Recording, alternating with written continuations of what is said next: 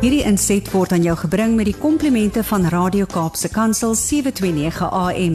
Besoek ons gerus by www.cape pulpit.co.za.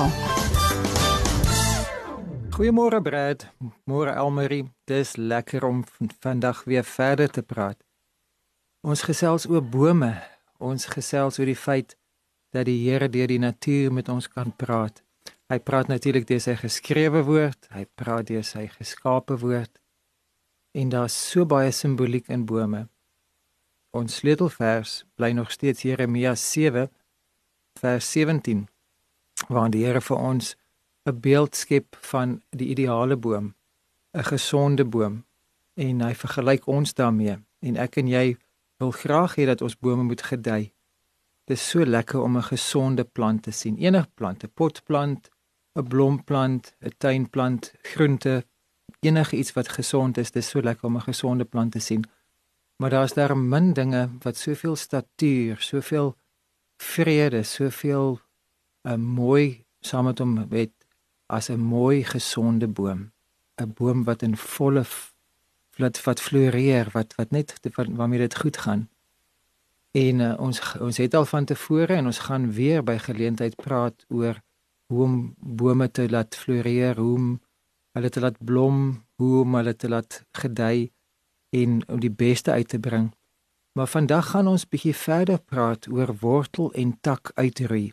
Ons het verlede week toe ons saamgesels het begin vir onsself 'n paar vrae vra van hoe sal hoe sal dit wees as sekere dinge in ons wêreld wortel en tak uitgeroei word? Hoe sal dit wees as sekere dinge in my in my as mens sekere gesindhede, sekere gedrag as dit wortel en tak uitgeroei word. En uh, vir die wat um, nie die Afrikaanse spreekwoord ken nie, het ek gesê in Engels sou die gelykstaande woord seker wees eradicate. Um en ek het nou met 'n met 'n 'n vriend wat 'n botanikus is gepraat want ek wou 'n paar van my feite net seker maak. En uh hoekom moet mens alles net by by Google kry as daar 'n lewendige persoon is wat die antwoorde het? Is dit soveel beter om met 'n lewendige persoon te gesels as om net vir Google te vra? En toe ek met met hom oor hierdie konsep praat en hy is Engels spreek en toe het hy vir my so mooi in sy uh, antwoord het hy vir my die die die Engelse ekwivalent gegee van wortel en tak uit uit hy het gesê it needs to be taken out roots and all So roots and all it needs to be taken out. En so dit is waar ons vandag gesels is dat daar is sekere goed in ons lewe wat ons wil verwyder, wat ons wil uitroei. En interessant genoeg daar is so baie skrifte in die Ou en die Nuwe Testament oor bou en oor opbou en en wat praat van dat ons moet uh, dinge vestig, maar daar is natuurlik ook baie skrifte wat praat van afbreek en en van vernietig. En um, een van die minskrifte wat albei daai gedagtes, die afbreek en die opbou in een skrif oordra, is die skrif wat ek wil gebruik as ons vertrekpunt vir ons ges gesprek vandag. En dit is in die Ou Testament profeet Jeremia, hoofstuk 1 vers 10. Ek gaan hom vir ons lees in die Engels en dan ook in die Afrikaans. Jeremiah 1 verse 10. See, today I appoint you over nations and kingdoms to uproot and to tear down, to destroy and overthrow, to build and to plant. En dan in Afrikaans, Jeremia 1 vers 10. Kyk, ek stel jou vandag aan oor die nasies en oor die koninkryke om uit te ruk en om te gooi en te verwoes en te vernietig om te bou en te plant. En mense wat 'n profetiese aanslag het en mense wat al so 'n bietjie blootstelling gehad het oor dat ons in gebed sekere dinge kan afbreek. uh, sekere konsepte van geestelike oorlogvoering is dat ons moet dinge bind, ons moet sekere dinge afbreek. Sal sal sal bekend wees en sal gemaklik wees met die afbreek gedeelte. Maar vandag wil ek my skoonpa as 'n rolmodel gebruik vir iemand wat geleer het dat daar 'n balans tussen afbreek en opbreek op opbou. My skoonpa, die die oupa van van my kinders is ongelukkig net so voor lockdown is hy oorlede. Maar hy was vir my nie net ehm uh, die oupa van van my kinders of die pa van my vrou of uh, my skoonpa nie. Hy was vir my 'n tweede pa. Ek weet ek het die voorreg gehad om vir so lank soos wat ek hom geken het totdat hy oorlede is, twee paas te hê. Uh geestelik, maar ook in die in die alledaagse lewe was hy vir my 'n pa gewees en ons het die voorreg gehad dat hy die grootste deel van van ons getroude lewe het hy aan huis by ons gewoon. Hy was deel van ons gesin gewees. Hy hy, hy was deel van ons huishouding. En ek het so baie by hom geleer in terme van praktiese dinge maar ook geestelike dinge. En jare gelede het ons nog in Nelspruit in die Laagveld gewoon. Dis nou Mbombela en um, dis die om die Laagveld is nou in Mpumalanga en uh, en die deel van Nelspruit waar ons gebly het, se naam was Styls vir duidelike redes. Daar was groot hellings gewees en in Lostrailstraat waar ons gebly het, was daar die erf was baie skuinstene helling en die agterste uh, grensstraat het geëindig uh, aan die ander kant van die grensstraat was daar 'n stuk veld. Dit was meer 'n kliprandjie gewees. Ek is nie seker of dit 'n natuurreservaat was of net munisipale grond of net onbe, on, onbeboude erf nie maar daar was 'n stuk grond wat niemand oor ehm um, verantwoordelikheid geneem het nie. En op daardie stadium in die Laagveld was daar 'n plaag van onkruid en daardie onkruid se naam was lantanas. En ek het met 'n ander uh, botanikus gepraat en, en volgens hom is is hierdie lantanas een van die vinnig groeiende plante.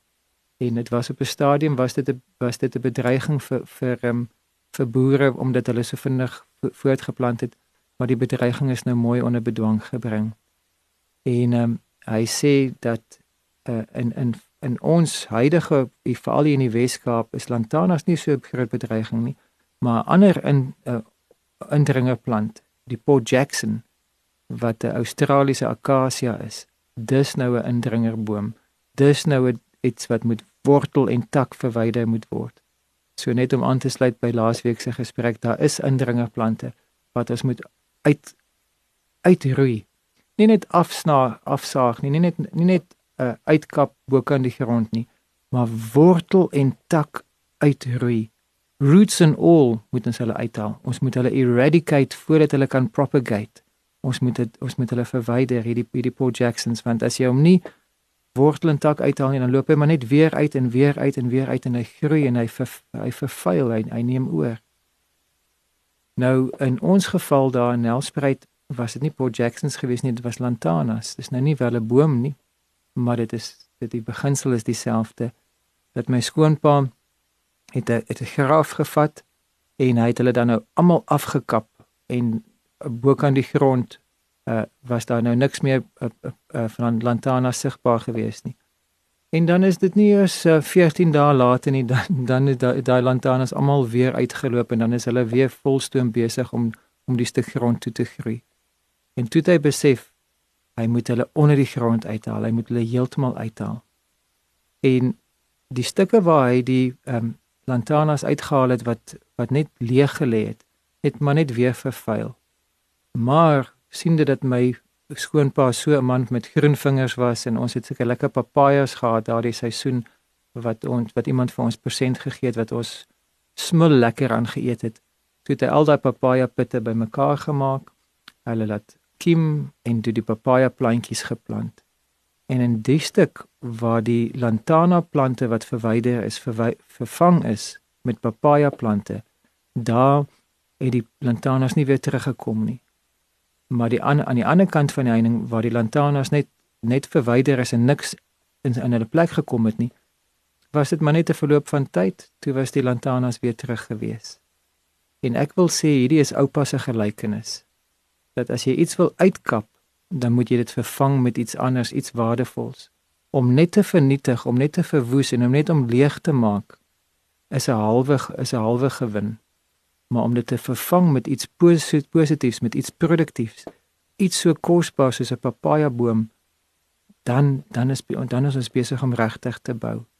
En ek wil dit van toepassing maak oor die beginsels van geestelike oorlogvoering in die algemeen dat ons moenie net teen dinge wees nie. Ons moenie net sekere dinge weerstaan en bind en daarteen 'n uh, stelling inneem nie. Dit is goed en en wel. Maar ons moet daarmee saam moet ons ook vir dinge wees en die die, die bose vervang met iets goeds. Maar om te praat oor geestelike oorlogvoering of voering of die uh geestelike realm, dis 'n klein bietjie abstrakt om dit terug te bring na my eie persoonlike lewe, my eie ervaring. Ek wil sê ek moenie teen sekere swak eienskappe, swak gesindhede, swak gedrag in my eie lewe wees nie. Ek moet dit vervang met dit wat die Heilige Gees in gedagte het. As daar sekere dinge is uh, wat onaanvaarbaar is, dan moet ek dit weerstaan, ek moet dit uitkap, maar ek moet dit vervang met Heilige Gees se gedagtes, Heilige Gees se gesindheid, Heilige Gees se gedrag, die vrug van die Gees. Oupa se gelykenis van die lantanas en die papajas leer vir my verwyder die lantana maar vervang hom met die papaja. Verwyder die lantana, maar vervang hom met die papaja. Ons moet uproot and tear down, destroy and overthrow, maar ons moet ook build and plant. Dis belangrik om om te gooi en te verwoes en te vernietig, maar dit is nog meer belangrik om te bou en te en te plant in die gees. Kom ons bid saam. Heilige Gees, Waarinus was vir my so 'n mooi voorbeeld van iemand wat gebou en geplant het. En daai eienskappe was mooi en en voorbeeldig en leersaam omdat hy dit by u ontvang het, omdat hy dit uitgeleef het uit sy verhouding met u. Dat sy wandel met u het sigbaar geword in daai eienskappe. Die feit dat hy altyd dinge wou herstel, altyd plantjies wou plant, altyd kinders en diere wou versorg, altyd wou daar wees vir die een wat verdruk is om te bou en te plant. Hy was sterk uitgesproke teen die verkeerde, maar hy het dit vervang met dit wat goed is, wat mooi is en wat reg is. Voorstaande van liefde en van waarheid. En ek wil dat oupa se voorbeeld voortleef in my en ook dat u deur u gees dit inplant in elkeen van ons wat ver oggend saamstem met hierdie gebed. Dat ons bouers sal word. Bouers en planters in die gees. Bouers en planters in die natuur. Bouers en planters in ons eie lewens en in hierdie land. Dat ons nie net krities sal wees en uitgesproke dinge sal weerstaan wat verkeerd is nie maar dat ons lewe gewend opbouend sal inbou en opbou oor dit wat goed en reg is in hierdie land en in ons lewens. Ek bid dit in die naam van Jesus. Amen. Hierdie inset was aan jou gebring met die komplimente van Radio Kaapse Kansel 729 AM. Besoek ons gerus by www.cape pulpit.co.za.